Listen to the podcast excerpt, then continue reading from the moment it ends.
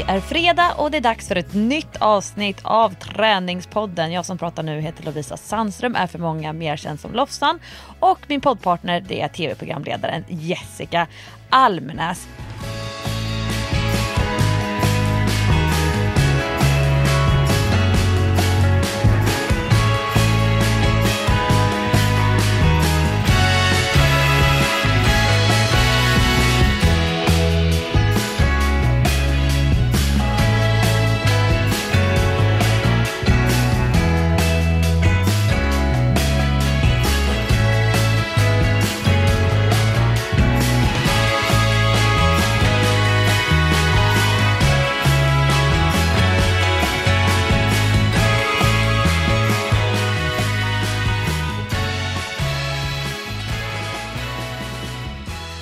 Eh, vi har ju haft besök av eh, stormen Hans, inte maken Hans för honom har jag ju alltid hos mig.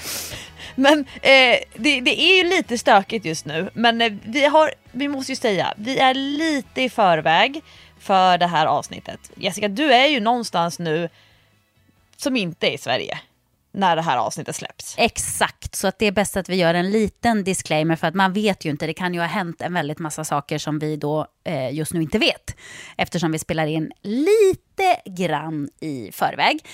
Eh, men då vet ni det. Jag är just nu utomlands någonstans, hoppas att inte Hans följer efter mig runt hela världen för det vore väldigt jobbigt. Nej, men, alltså, det är så roligt Lovisa, för att jag sitter här hemma och eh, har läst tidningar då, som jag gör varje dag. Och jag hittar så många roliga rubriker som jag vill skicka till dig. Och så tänker jag, nej, men jag har gjort det en gång, det, det, det, det är lugnt nu liksom. Lägg ner. Men, men är det något jag älskar så är det ju sådana där ordvitsar. Alltså jag tycker det är så himla kul. Ja, alltså jag går också igång på de där.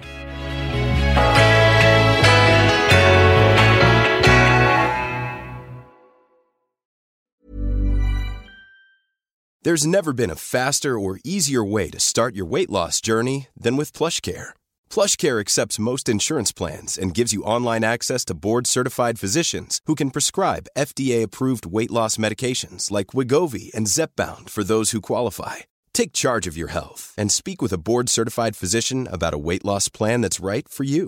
Get started today at plushcare.com slash weight loss. That's plushcare.com slash weight loss. plushcare.com slash weight loss.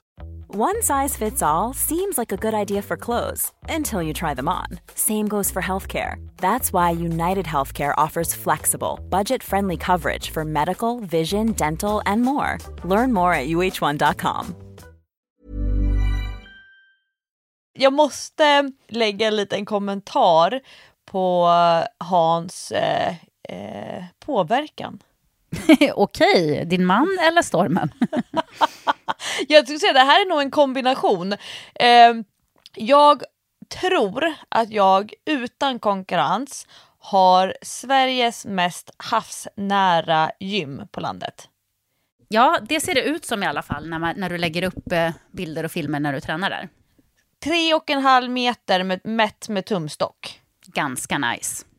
Ganska så nice och jag kan säga att det är liksom den lilla plattan, det podiumet som, eh, som maken Hans har byggt till mig. Det är liksom när jag står på den eh, och tränar, tittar ut över havet, kan vända mig om så ser jag barnen hoppa på studsmattan. Alltså det är en sån fin plats att träna på. Och eh, Dock, Hans byggde det här podiet innan vi tog hit alla skidstängerna och eh, själva racket, alltså ställningen till stången eh, första gången. Så vi hade så här mätt lite, ja, men hur, hur stort kan det behöva vara? Ah, men inte så stort, man ska ju bara träna på det. Så då byggde han och det blev lite minsta laget. Mm. Eh, det, det, funkar så här, om man har knäböjsracket, oj nu glömde jag stängt, glömt stängt av ljudet. Oh, den här, det här sms som jag fick nu ska jag berätta om sen. Eh, det funkar liksom om man har stången uppe på racket för då finns det liksom en massa luft runt omkring. Mm. Eh, ska man göra marklyft då är, är podiet för smalt så då måste man vrida stången 90 grader. Och ska man då ha bara en viktplatta på då går det ganska bra per sida. Men ska man ha lite tyngre då börjar det liksom matas ut på kanterna. Stången på, stångens ände, då pekar den rakt ut mot havet. och är då utanför själva podiet i en liten slänt där det är lite stenar och sen är det liksom rakt ner i vatten. Och då har det varit så, jag förstår inte hur jag kunnat göra misstaget två gånger, men då har jag liksom stått på sidan och dragit ut viktplattan för att få bort den från stången. Och sen är jag lite nonchalant, så jag, precis som på gymmet, man bara släpper viktplattan när den har kommit ner ut från själva hålet på stången. Problemet är bara att då rullar viktplattan hela vägen ner ut i havet, fortsätter liksom i en konstig rullning och hamnar kanske en och en halv, två meter ut i vattnet. Nej, nej, nej. Första gången bara, ja det där borde jag ju fattat, det skulle kunna hända. Och så får jag så här vada ut och hämta viktplattan.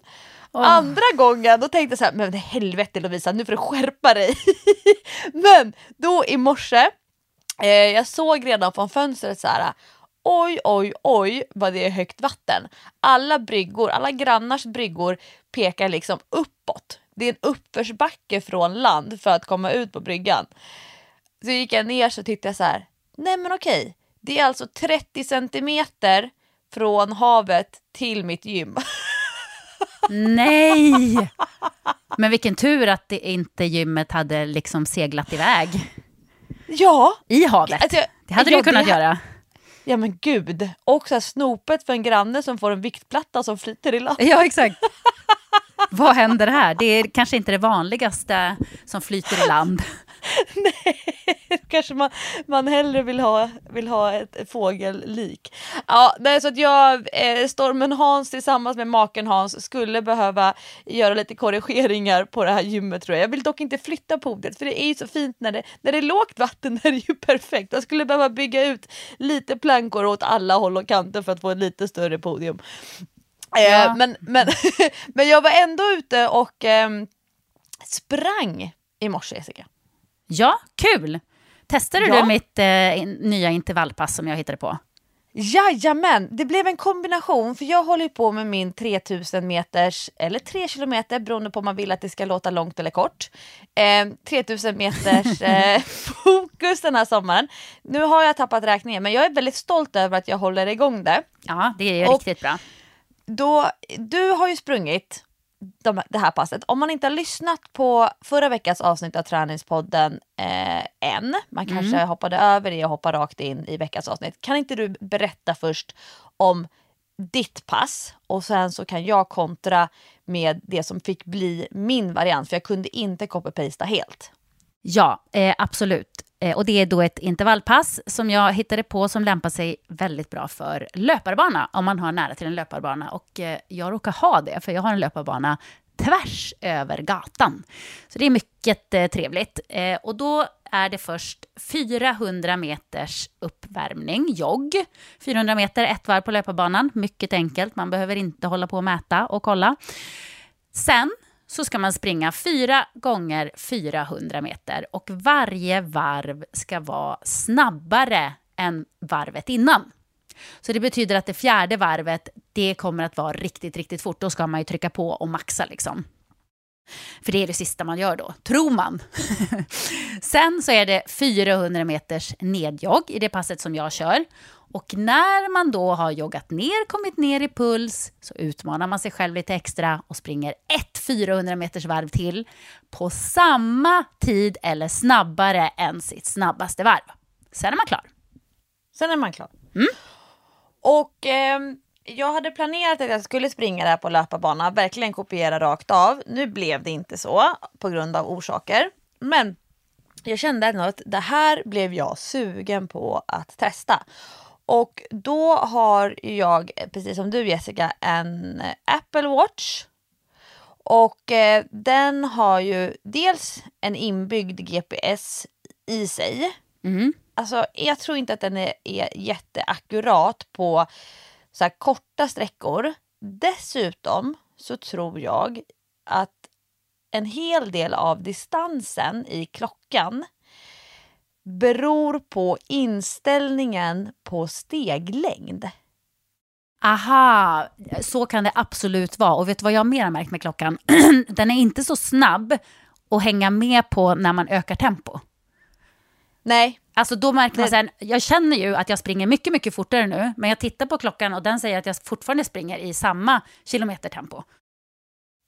Ja, och, och, så man får nog liksom ta det lite grann med en nypa salt när det är, liksom, när det är kortsiktigt. Det är en sak att säga, ja men har du sprungit 9 kilometer eller 9,5? Mm. Det kanske inte liksom är jätteviktigt på träning. När du ska springa lopp, då kanske du vill så här, försöka ha på klockan exakt samma sträcka som själva loppdistansen har varit beroende på om du har tagit innerkurva eller ytterkurva, om, om det är liksom en slingrig tävlingsbana. Um, men det som fick bli då min morgonvariant av ditt 4 gånger 400 plus, ja, du hade liksom en extra... Plus en bon, bonus 400. bonus 400. Eh, då gjorde jag så att jag startade klockan precis uh, utanför huset uppe på grusvägen. Har man en, eh, jag tror att både Sunto, Garmin och Polar som liksom, kanske då kör bara på GPS. Jag har lite dålig koll på exakt hur de tar in distans. Men då kan det ju ta en stund för GPSen att hitta satelliterna. Och där kommer jag ihåg kanske ja, men så tidigt 2000-tal när GPS-klockan precis hade kommit. Och det var egentligen samma sak med GPS i bil. Så kunde, innan det blev liksom standard att med såna färdnavigator och så vidare. Så kunde man köpa och sätta in en GPS-navigator som var liksom en enhet som man kopplade in i bilen. Det hade min pappa till exempel. Då funkade då var det så här tvungen att, man, att, att vara utomhus ganska länge med bilen. Man kunde inte göra, liksom starta igång allting i ett garage för att den skulle så här, hitta kopplingen till satelliter så kunde den så här, räkna hur många satelliter den räknade ner till så här, mm. okej okay, det saknas sex satelliter, det saknas fem satelliter. Oh, det var ju liksom innan tekniken utvecklades. Ah. Men jag vet att det finns träningsklockor som du kan starta träningspasset. Men GPS-signalen kan ta flera minuter innan den är igång. Men så är det då inte till exempel i Apple Watch. Så då körde vi, det var jag och Stormen Hans och maken Hans, vi var tre stycken på, på det här passet. Eh, då körde vi först din lugna 400 meters uppvärmningsjogg. Mm. Och sen så blev det automatiskt, jag insåg ju det ganska liksom efter första, aha, då kan man köra 100 meter, jag höll på att säga, där man står still. Där man står still? Men jag menar, alltså din ståvila när du laddade om mellan ja. dina 400 meter, det var stå stilla och samtidigt långsamt röra sig framåt 100 meter. Ah, Okej, okay, jag fattar. Mm. För då blev det smidigt att starta nästkommande 400 meters intervall var 500 meter. Ja, jag förstår. Och, och, man kan ju göra hur man vill med, med vilan där. Men just när man är på löparbana är det ju enklare att bara springa varven liksom. Ja, och eh, jag försökte hitta en synk. Så att jag rörde, vi rörde oss jättelångsamt framåt. Och sen så när eh, klockan sa att det blev liksom en 500 meter, en jämn sån, mm. alltså från 00 till 500 till 1,0 till 1,5. Då skulle man hela tiden starta sin nästa 400 metare. Och sen så försökte jag, eftersom det ändå är relevant, det är inte lätt, jättelätt att springa i skog eh, och samtidigt försöka hålla koll på klockan för hur lång tid varje intervall ska ta om man då ska kunna springa lite snabbare. Så det har varit lite godtyckligt, men jag ska fråga dig eh, sen om en sak. Och då var ju första riktiga 400 metern lite snabbare än en långsam jogg. Ja. Är, det, är det bra, liksom, är det ungefär där ja. du liksom startade? Absolut. Mm. För att man får ju inte börja för fort. Eftersom man ska springa fortare varje varv så kan man ju inte springa för fort första varvet för då blir det ju nästan omöjligt att klara. Ja, och det var det jag skulle fråga dig. Tog du tid, skrev du upp, hur kom du ihåg hur lång tid varje intervall tog? Ja, nu är det ju så här att jag har faktiskt ett väldigt bra korttidsminne. Så att jag, jag hade inga problem att komma ihåg det. Och det här kommer ju sig av att jag har jobbat med travet så länge. Och där måste man hela tiden memorera tider, eh, namn, hästar, placeringar. Det är så mycket som ska memoreras eh, i skallen och ligga kvar där en kort tid. Sen kan man släppa det. Eh, så att det, det kommer jag ihåg i huvudet. Jag, jag, skrev inte ner det, men det kan man ju göra för att man har ju tid när man ändå står och flåsar så bara skriver man snabbt ner vilken tid man hade. Aha, för att för mig blev det så här, ett, kolla på klockan när man startar. Eftersom om man ska starta på distans Mm. för att kunna hålla i huvudet hur långt ska klockan ha rullat på distans tills det har blivit 400 meter. Ja. Plus då försöka vänta in en hyfsat jämn minut att starta på. Och sen både hålla koll på under löpningen hur långt man har sprungit av de här 400 metrarna och komma ihåg vilken, att titta på klockan när man då har passerat 400 meter och räkna ut, ja men vänta nu, när startade jag just den här intervallen?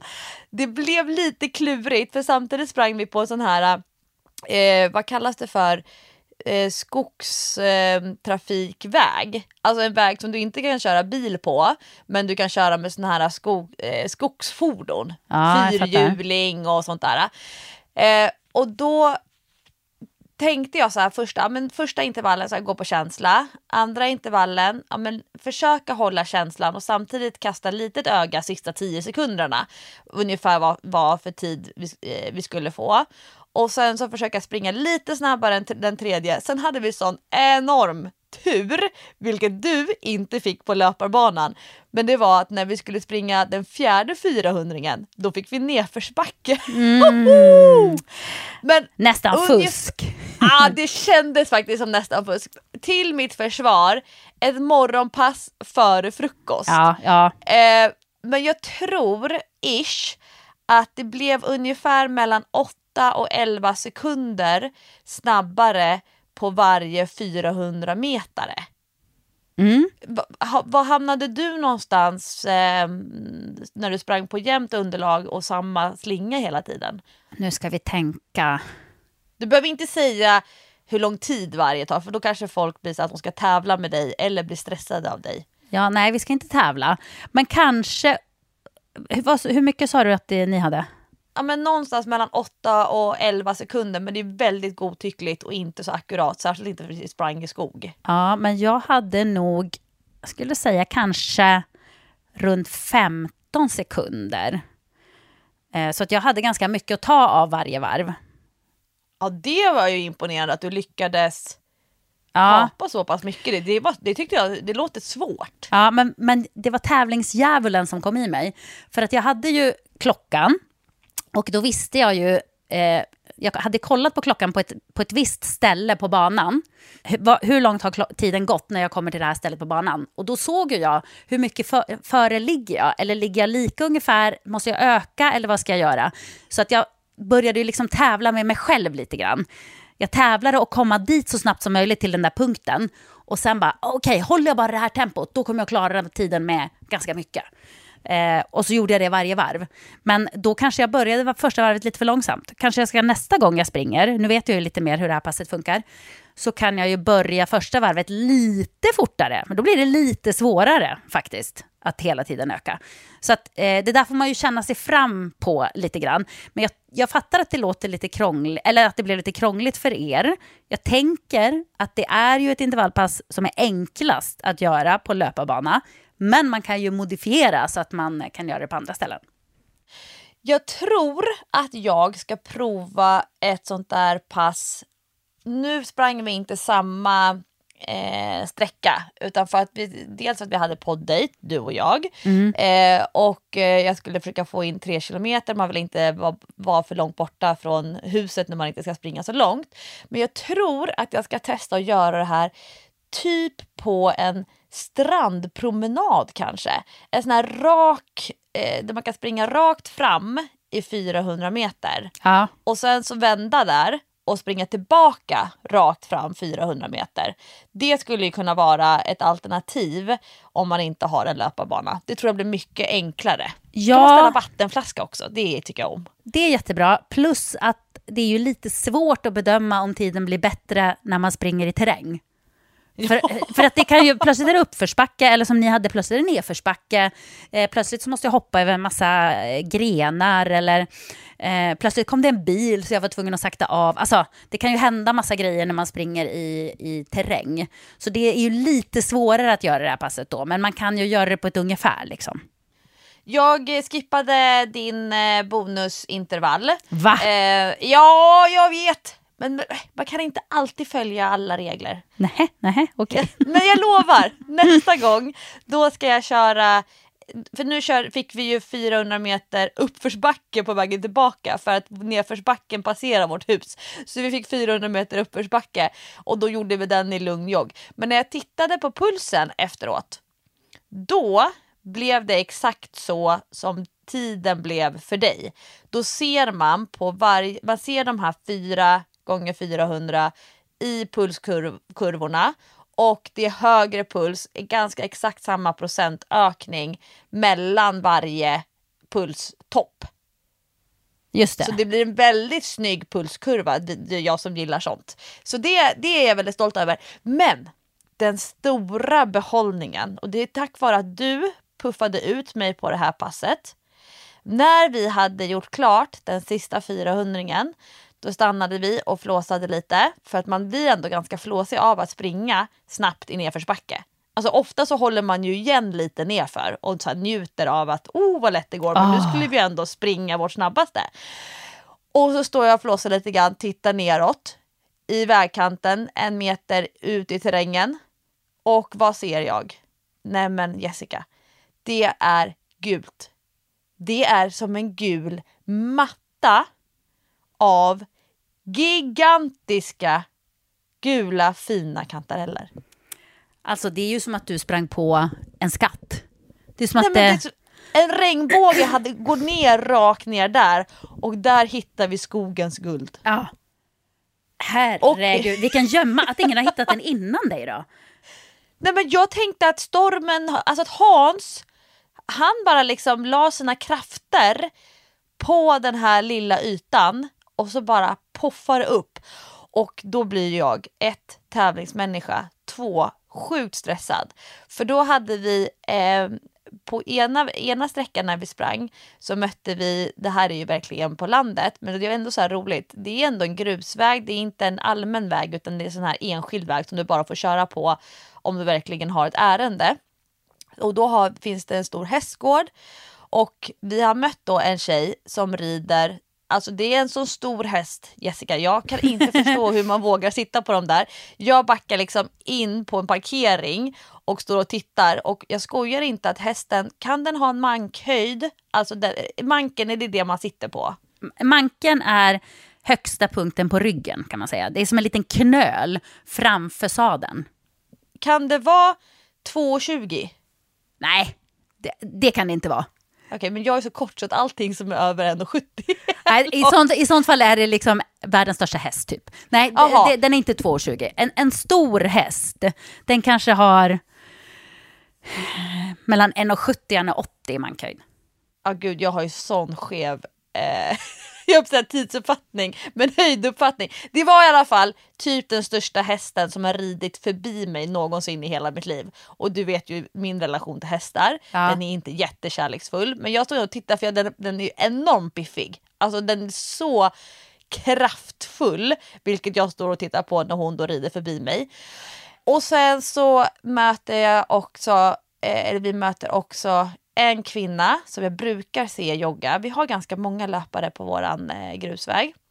De har liksom vi mött. Så när jag ser de där kantarellerna, jag har liksom en långärmad tunn tröja, en ny. Jag har shorts, pyttesmå löparshorts.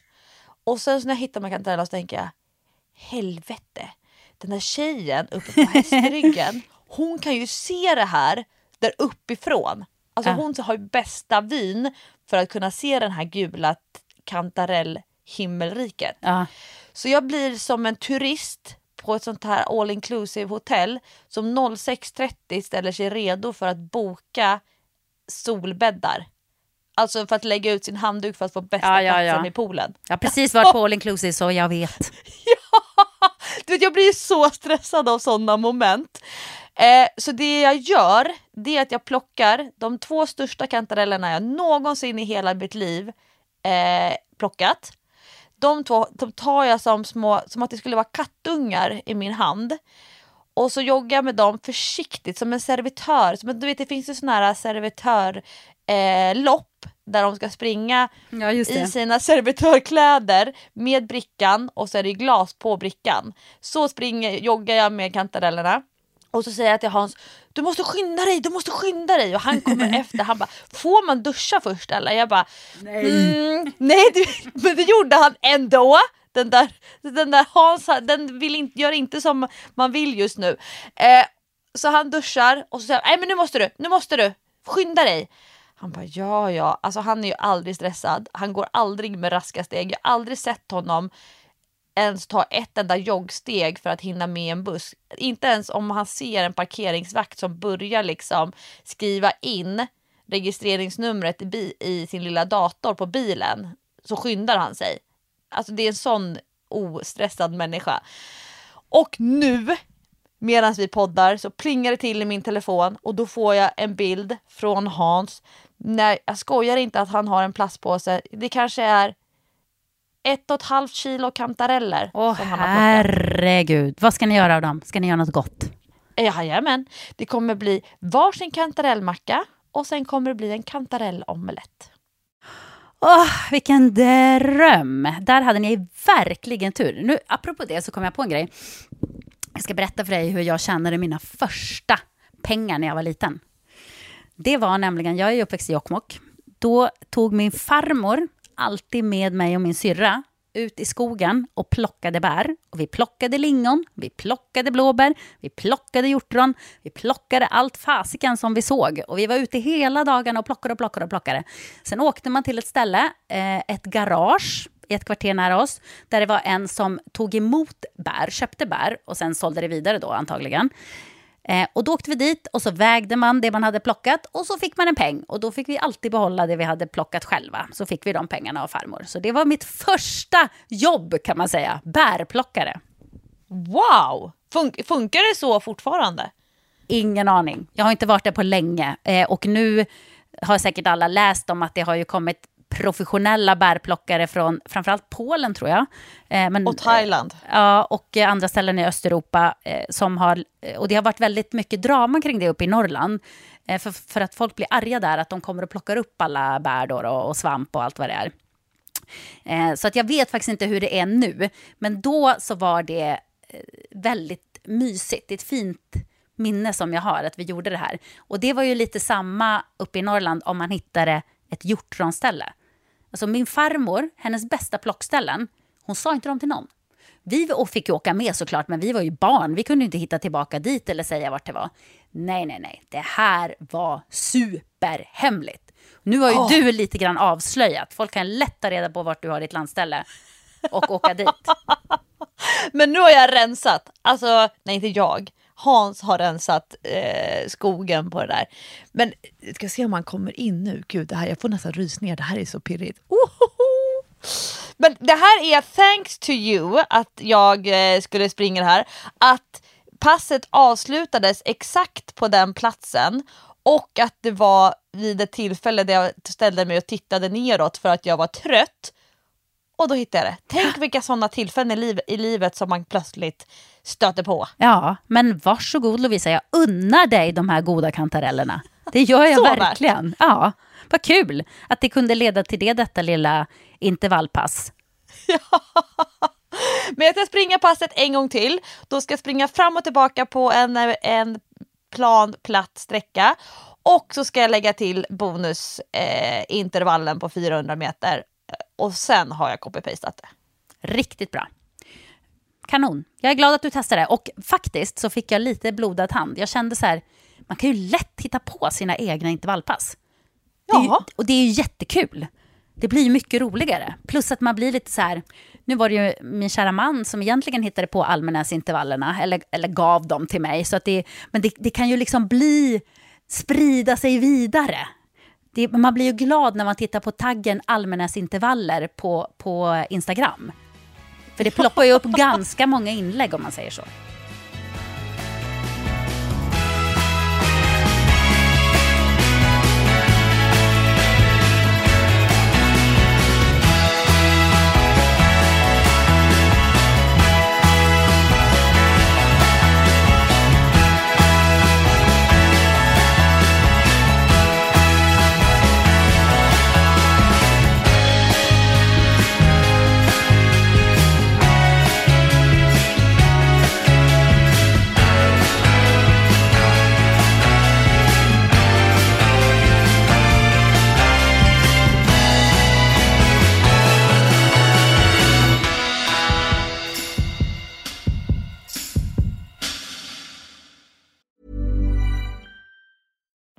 One size fits all seems like a good idea for clothes until you try them on. Same goes for healthcare. That's why United Healthcare offers flexible, budget friendly coverage for medical, vision, dental, and more. Learn more at uh1.com.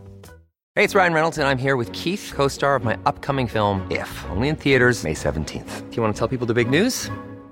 All right, I'll do it. Sign up now and you'll get unlimited for $15 a month in six months of Paramount Plus Essential Plan on us. Mintmobile.com slash switch. Upfront payment of $45 equivalent to $15 per month. Unlimited over 40 gigabytes per month. Face lower speeds. Videos at 480p. Active Mint customers by 531.24 get six months of Paramount Plus Essential Plan. Auto renews after six months. Offer ends May 31st, 2024. Separate Paramount Plus registration required. Terms and conditions apply if rated PG. Men jag, jag tänkte på en sak med eh, ett sånt här typ av pass som eh, jag tycker är en intressant approach som fler vanliga motionärer skulle behöva ta till sig. Mm, vadå? Jo, det här är en väldigt vanlig sägning och jag kan se det när alla våra Träningspodden-lyssnare eh, lägger upp inlägg på Instagram till exempel och så har de en selfie från sitt löppass och då, och då har de hashtaggat Träningspodden. För att de kanske har lyssnat på Träningspodden medan de har sprungit eller bara att de vill att det ska komma upp i ditt och mitt flöde för vi följer ju den hashtaggen. Mm. Och, eh, och så, och så ska skriv, har skrivit så här eh, eh, fantastisk eh, löprunda eller dagens arbetsinsats eller eh, e egen tid eller någonting så att de har då varit ute och sprungit. Och då är en väldigt vanlig kommentar där, men också när människor så här, ja men jag var ute och sprang i morse eller nej men jag, eh, jag, eh, jag, jag sprang igår eller så här. Och då frågar folk, hur långt sprang du? Och då svarar väldigt ofta människor, nej men bara fem kilometer. Mm. Eller, nej men det blev, det blev inte så långt idag, fyra kilometer. Eller till och med så här, nej men det blev bara nio kilometer. Det kan också vara att folk tycker att det är kort. Ja.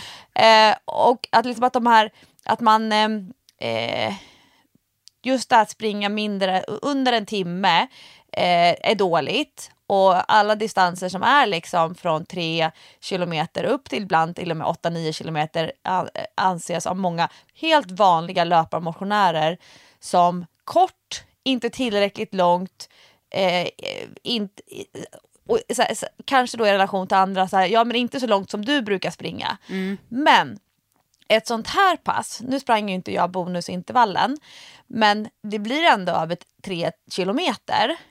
Alltså det, det är ju distansmässigt så kommer många människor tycka att det är ett kort löppass. Mm. Men att säga, istället för att svara då så här, nej men det blev bara tre kilometer. Eller nej det var inte så långt, fyra och en halv kilometer. Så kan man, så kan man faktiskt svara, det var ett jättenyttigt intervallpass. Och så ska man skriva 4 gånger 400 meter med negativ split, alltså, eller i högre tempo för varje intervall, plus en eh, eh, extra intervall i, och försöka hålla samma tempo som på den fjärde intervallen. Att man höjer värdet på kvaliteten i passet snarare än att tänka och tro att det är distansen på passet eller hur länge man har sprungit som är det som man ska sätta stämpeln på. Ja. Är du med på vad jag menar? Att liksom det är innehållet i passet, hur du har fördelat passet, att du har tränat på att springa snabbare och snabbare. Det är det som är själva prestigen och syftet med passet. Inte att du har sprungit ett kort löppass. Jag, jag håller med dig och jag kände mig också lite träffad.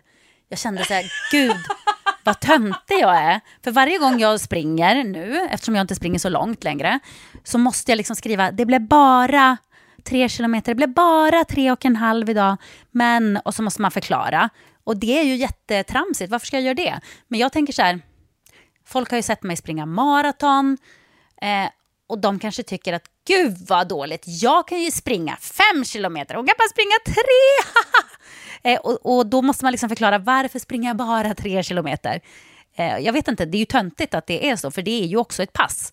Och man har ju sin egen planering och sitt eget upplägg och sina egna tankar med varför man springer eh, en viss tid eller en viss längd eller vad det nu kan vara.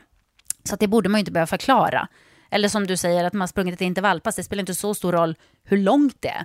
För det är ju egentligen inte det man vill åt. Man vill ju åt eh, någonting annat när man springer intervaller. Ja, och det är det här som jag tjatar om eh, både i mina föreläsningar och när jag coachar PT-klienter och eh, i löppass och så. Att, att du tränar upp en förmåga, en skill. Och alltså förmågan att springa långt, det är en sak. Förmågan att springa jämnt tempo, det är en annan sak. Förmågan att kunna springa snabbare och snabbare efterhand, det är en tredje sak. Förmågan att hitta eh, rätt marschfart från start, en fjärde sak. Förmågan att kunna spara lite krafter till en spurt, det är en femte sak. Eh, förmågan att kunna få i sig eh, energi under långlopp, ytterligare en sak. Förmågan att kunna hålla tankarna positiva, ytterligare en sak. Alltså det finns massa olika förmågor, olika skills som spelar roll och vi kan välja pass som vi styr mot att träna upp en särskild förmåga. Så att det inte alltid blir så att man tänker att det är distansen som är förmågan. Det är det som är skillsen, förmågan att kunna springa långt. Visst, det är ju jätteviktigt för någon som vill kunna springa ett halvmaraton. Förmågan att kunna springa bra i backe, jätteviktigt för att kunna springa Lidingöloppet. Men man kan ju fundera över vad är det egentligen för förmågor som jag behöver träna upp. Mm. Och, och att då våga ägna pass åt det och att våga släppa de här andra prestige-temana som man tror att, att andra eh, tycker är viktiga.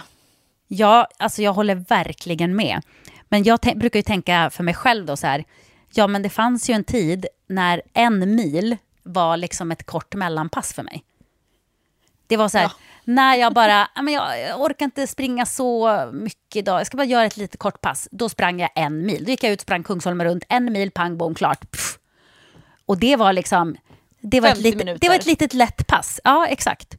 Och, och där är jag ju inte riktigt nu. Eh, så att, eh, jag tror att det också handlar om att jag tävlar lite med mig själv. Så här, att jag måste förklara för mig själv varför kan inte jag springa så där långt längre. Jag har ju ett eh, transportlöparpass som jag har gjort väldigt många gånger. Och det är sån där klassiskt när jag blir avsläppt.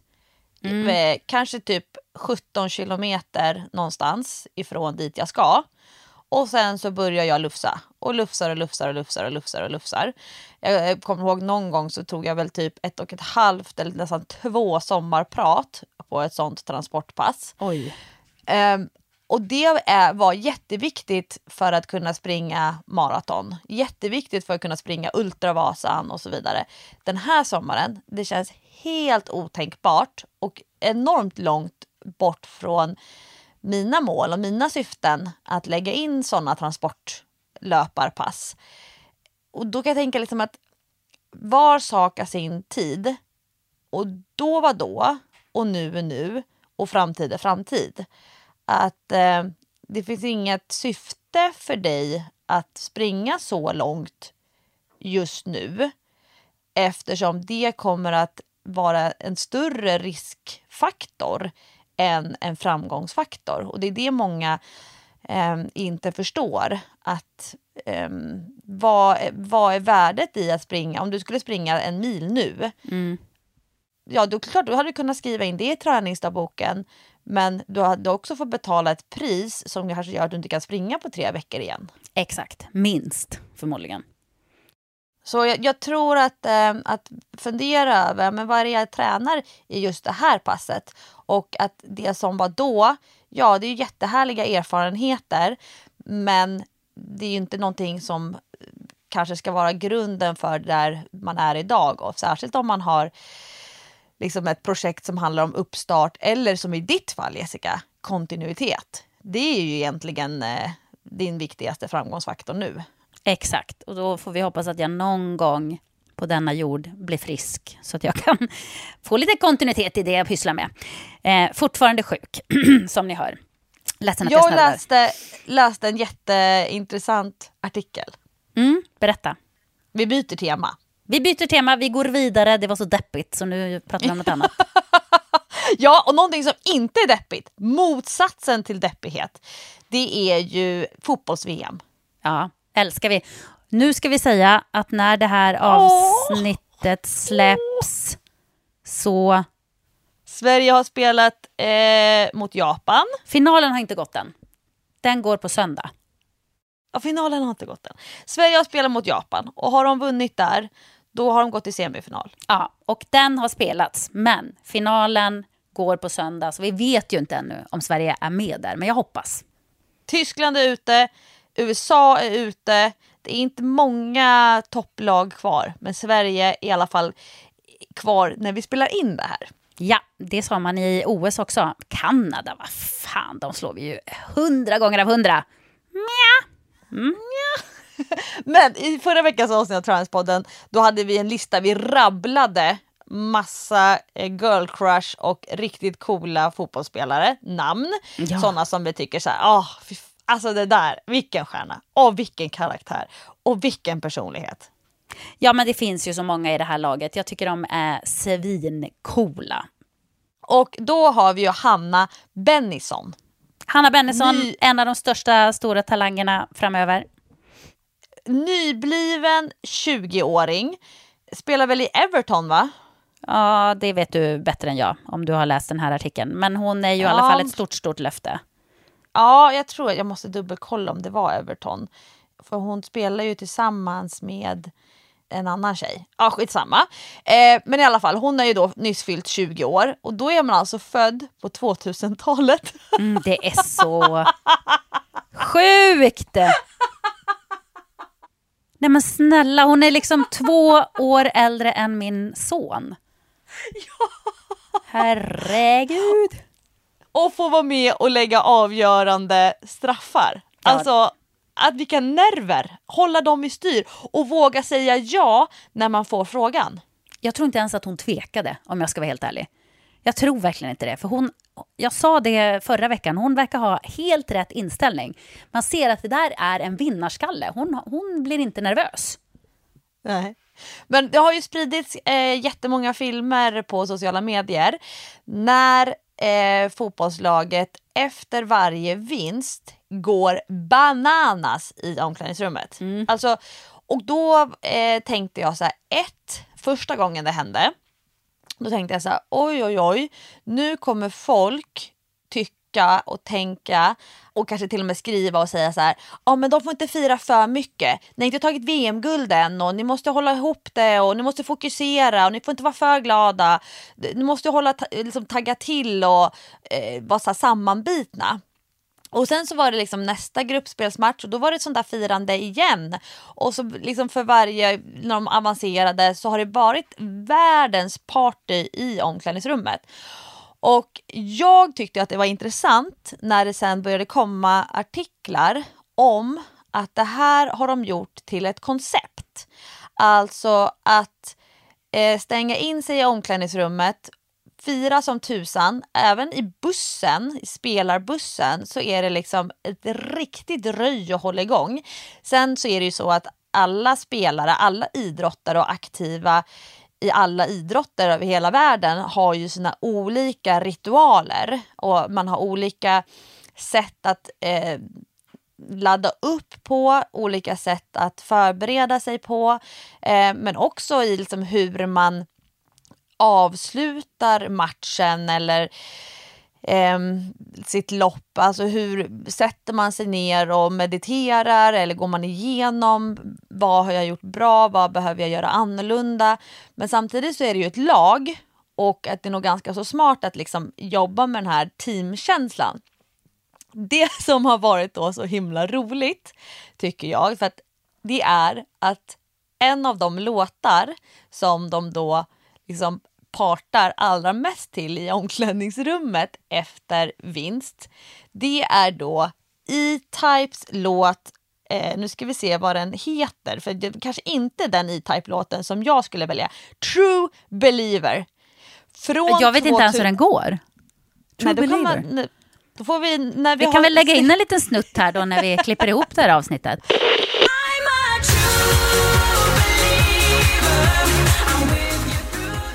Eh, den släpptes 2007 och Hanna Bennison, du, hur uttalar du det? Bennison. Bennison, ja. Bennison.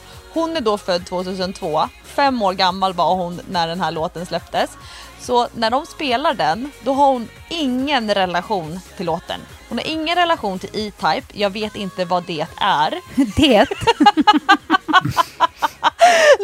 Det är ju också en bil så att jag, jag köper ändå hennes eh, kommentar.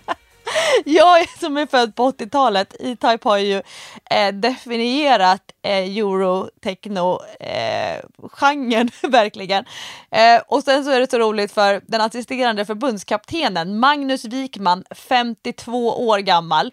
Eh, han säger om vi alla känner till honom så är det väl på våran ålder som vi får acceptera att den är vad den är och medge att han har varit ett fan av E-Type genom åren. Eh, och då, så, så då tyckte jag det var så roligt, så har hon liksom fått den låten inhamrad hos sig och har så här vett att uppskatta den. Hade den släppts idag så kanske den inte hade fått samma genomslag. Eh, och det här har jag verkligen mött eh, som eh, coach för att jag, när jag spelar för ungdomar, så här, okej nu ska vi tagga till, som så här uppladdningslåtar, då eh, spelar jag eh, eh, Ella Ella, eh, som ju är en fransk, vad heter hon? Jag måste, nu måste jag Nej men vänta, tycker upp. du att det är en upptagningslåt? Ja, men det här är ju intressant att man liksom, jag kan gå in på 90s eh, Dance Hits Top 100. Alltså då är det Sandstorm, Radio Edit, eh, L'amour toujours, eh, ska vi se vad mer som jag kan hitta. Eye of the Tiger. Army. Eye of the Tiger är ju liksom jordens bästa uppvärmningslåt. Men den kan väl inte ungdomar knappt idag? Nej, nej. We like to party med Venga, Venga Boys. Ehm, Rhythm is a dancer med Snap. Åh! Ace of Base, All that she wants. Nej men alltså, eh, Believe med Cher. Nej men alltså det, det, det går liksom inte riktigt hem hos eh, ungdomarna. De, de köper det inte riktigt. Men då tänker jag som så här Pavlovs, eh, de här hundarna. Pavlovs hundar, om ja. jag, Mm. ja. Om jag fortsätter spela de här låtarna då Till kommer jag slut. få en relation, relation till dem. Och eh, jag har ju uppladdningslåtar personligen som jag typ skäms lite för. Eh, och när jag spelar dem, de andra vuxna i minibussen till exempel, bara, ja men Lovisa. Men då är det så här, Roger Pontare, När vindarna viskar mitt namn. Eh, Vandraren med Nordman. Eh, sen har jag lagt till, jag har ju ingen egen relation till Hammarby tid, alltså innan jag själv gifte mig med en bajare och fick ett barn som är helt besatt av Hammarby. Men nu ligger ju just idag är jag stark. Såklart. Jajamän. Men då är det här liksom uppladdningslåtar som är så att komma in i stämning och eh, liknande. Men låtar att fira till, nej men då går jag tillbaka till 90-talet och liksom det är verkligen eurotechno. men vad skulle ungdomarna, vad skulle, om de nu skulle göra sina egna listor för sådana låtar, vette tusan vad de skulle lägga in för låtar som är nya nu. Nej men alltså snälla, det här var så pinigt. När jag har mitt basketlag här, och de är ju ändå inte, alltså de är ju inte kids, det är ju ändå vuxna kvinnor, de är ju liksom i 30-årsåldern. Och jag sätter på min musik som jag gillar att spela, mina listor då, då på Spotify. Alltså till slut så säger någon så här, äh, men nu måste du byta musik. Jag bara, va? Ja, men vi, måste, vi måste ha lite bättre musik, det här är ju ingen partymusik. Jag bara, nej, okej. Ja, men någon annan får spela då. Och nu är det verkligen så, någon annan får spela. När de kommer hem till mig, jag bara, någon annan sköter musiken för att eh, ni gillar inte det jag gillar. Och samma så här om man ska spela, eh, sätta på musik inför en match, uppvärmningsmusik. Det är också så här, kan någon annan sätta på lite uppvärmningsmusik här? Så att alla går igång. För du vet, jag skulle ju dra igång Eye of the Tiger, Rhythm, Rhythm is a Dancer. Ja, det är klart! Och de bara, eh, okej. Så att tiden har sprungit ifrån oss Lovisa tyvärr. Ja, och då vet jag inte om jag ska vara stolt över det. Eh, eller om jag ska vara förfärad över det. Nej men så här är det. Men jag trodde liksom inte att det skulle hända mig. Jag trodde inte att jag skulle bli min mamma och pappa som tjatar om någon eh, gubbe som man aldrig hört talas om och, och du vet pratar om, vänta nu vad var det, det var, det var Be eh, Beatles eller Beach Boys och det var någon annan kille som hette något som jag inte kommer ihåg nu. Som var skitstor då, Tommy Steele eller något sånt. Jag bara, Tommy Steele, vad fan? aning. Nej, och min morsa bara, Tommy Steele, han var bäst liksom. Jag bara, va? Tommy Steele, vem fan är det? Och nu är vi där. Nu är det ju jag som är den personen. Försöker tala om för mina barn så här, ja men det här är ju den och den. Vem är det då? Aldrig hört talas om. Man bara okej, okej. Och det, och det säger Patrik till mig så här, alla generationer har sina olika referensramar. Det är bara så. Du kan inte tro och förvänta dig att någon som är stor för dig kommer vara stor för någon annan. Du vet när jag till exempel går in och bråkar i så här, eh, Twittertrådar och sånt. Vem är GOAT i basket? Jag bara, men snälla, det, det är Michael Jordan. Det, går- det går inte att säga något annat än att det är Michael Jordan. Men kidsen då som aldrig har sett Jordan spela, annat än liksom titta tillbaka på klipp, liksom. De tycker ju så här, fan det finns ju tio spelare som är bättre än Michael Jordan. Och det är Steph Curry och det är LeBron James och uh, vilka det nu är. Och jag bara, nej, nej, nej, de kommer inte i närheten. Men det, det säger Patrik till mig så här, ja men när våra barn är stora, det är ingen som kommer komma ihåg Zlatan. Det kommer vara som Gunnar Nordahl. Jag vet inte ens vad Gunnar Nordahl är. Nej, du, du, du ser, du ser. Så att ehm, tyvärr är det så, och det är väl det tydligaste tecknet på att man blir äldre. Eh, och jag vet inte, samtidigt så tycker jag att det kan vara lite utbildning att kidsen, eller de 30-åriga kidsen i mitt lag, får höra på lite riktig musik. Jag hade faktiskt eh, tillsammans med mina kompisar, eh, Andreas är eh, artist och sen hans fru Lisa, hon är väldigt musikintresserad, Andreas Jonsson och Lisa. Eh, de, de var här på landet nu i sommar eh, och jag känner eh, Eh, Andreas för att han är fotbollstränare i Baxters fotbollslag och pappa till Baxters bästa kompis Tim. Och då hade vi en hel kväll Alltså, jag förstår att barnen sköt ut sig efter ett tag. Men då hade vi en hel kväll. Det här är- är då Lisa i ett nötskal som är lekledare och eh, koordinator och så här, fixar och donar. Då hade vi en genomgång med olika kategorier. Så först så skulle alla eh, välja sin uppladdningslåt och så spelade vi dem. Så jag fick säga min en uppladdningslåt och Hans fick säga en uppladdningslåt och så Andreas och Lisa. Sen fick man, skulle man säga sin hjärtesorgslåt. Oj, ja, vad Då kul! spelades den. Ja, och då fick alla så här associera till den och så här, någon låt hör man för första gången fast någon annan har lyssnat på den kanske 3000 gånger.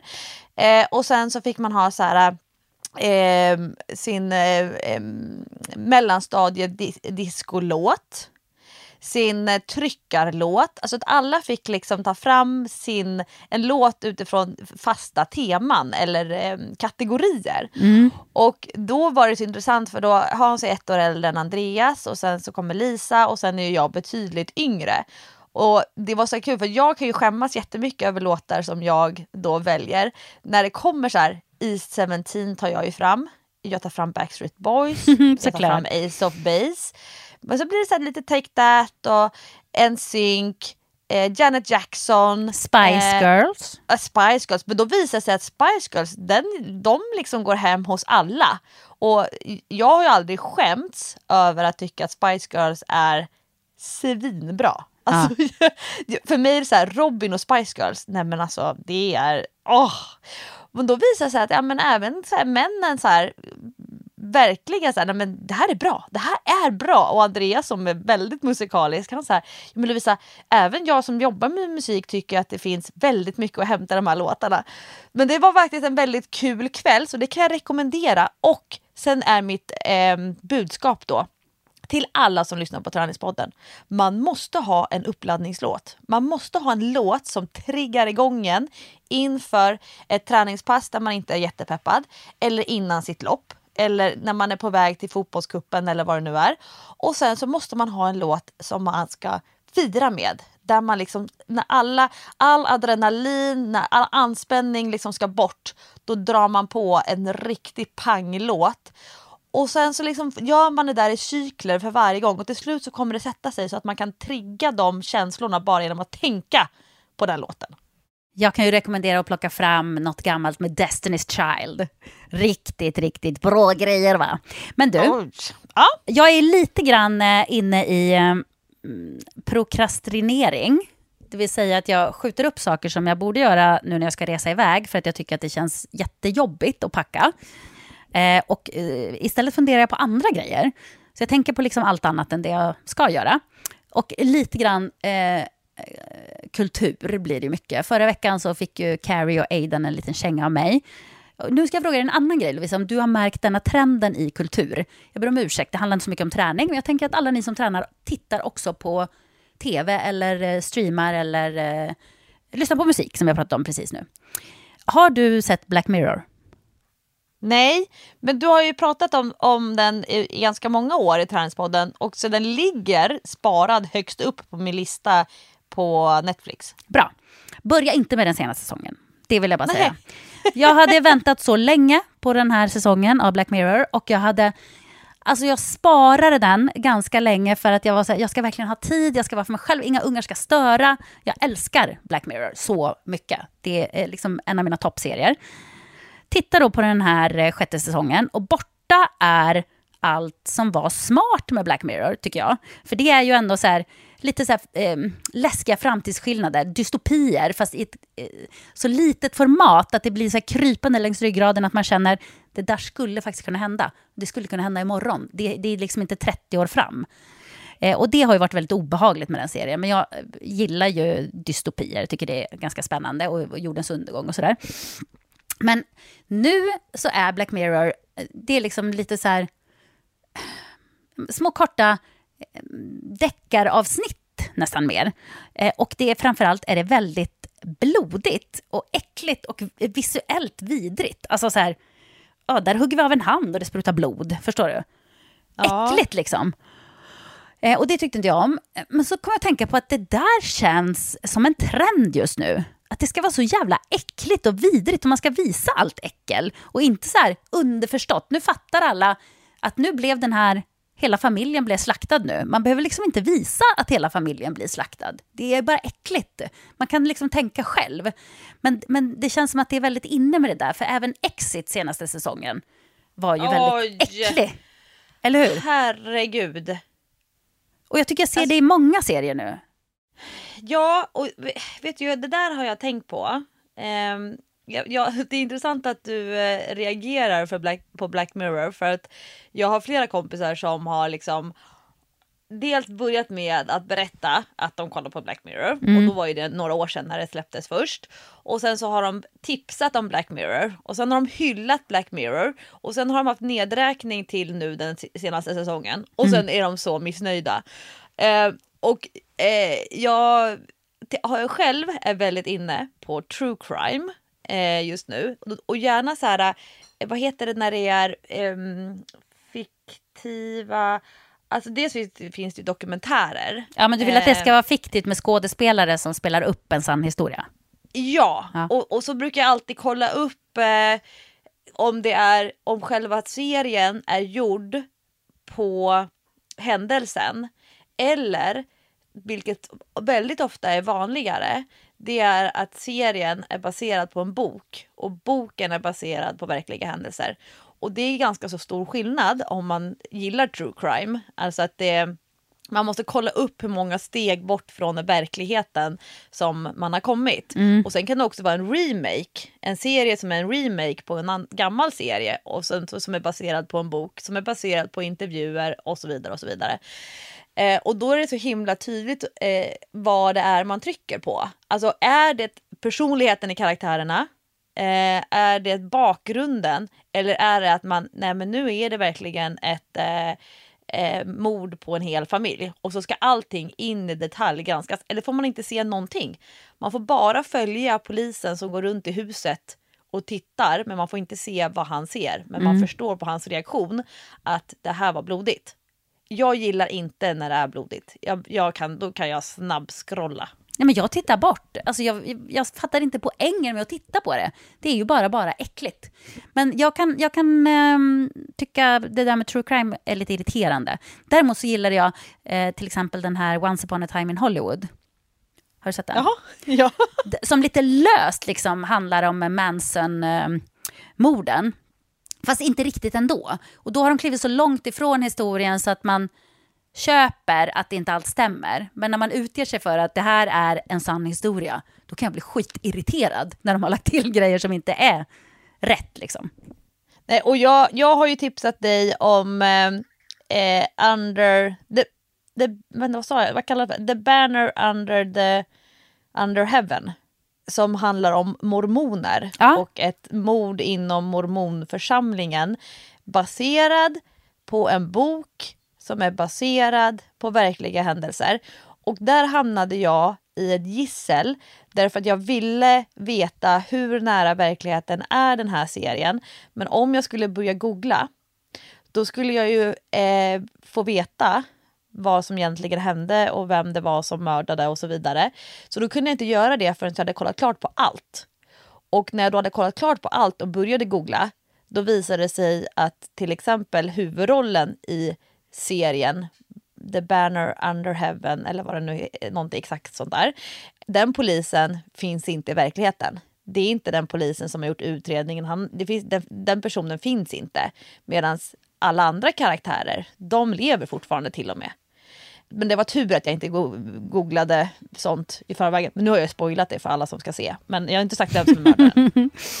Ja, det var, det var ett litet avsteg, men, men jag tycker verkligen mindre äckligt blodigt. För att det, är, det, ger ingenting. Jag tycker att det ger mycket mer när man får själv tänka sig vad var det som hände. Men det är som att, eh, det är som att eh, filmskapare och serieskapare nu för tiden, de tror att människor är så lata att vi inte ens kan föreställa oss i huvudet vad det var som hände. Man måste servera allting till folk. Ja. Och så har vi ändå byggt en podd där vi serverar saker. Ni behöver inte testa passen. Vi har provat dem. Det var jättejobbigt. Ja, men jag, jag tror att våra lyssnare blir ganska sugna på att testa det som vi ändå pratar om. Hoppas jag i alla fall. Jag blir i alla fall sugen på att testa det du berättar om. Ja, men det är bra. Jag är sugen på att bli frisk nu så att jag kan börja träna igen. Vi får väl se hur det går ute på mitt lilla äventyr och om det kommer några uppdateringar. Men ska vi ta att, och rappa ihop eh, podden för denna gången? Ja, det tycker jag. Och eh, det är lite förinspelade avsnitt, men de är väldigt aktuella i sig kommande veckor. Och så längtar jag efter det Jessica, för att få höra allt du har varit med om när du kommer hem igen. Ja, men det kommer att bli så spännande. Vi kommer att ha otroligt mycket att prata om helt enkelt. Det kan bli kanske ett rekordlångt avsnitt när jag kommer hem. Vem vet? Åh. Stort tack för att ni lyssnar på Träningspodden hela sommaren. Vi är på väg in mot hösten. Jag ska i alla fall äta massa kantareller idag. Mums säger jag. Ha det nu så bra allihopa. Puss och kram på er. Hej då!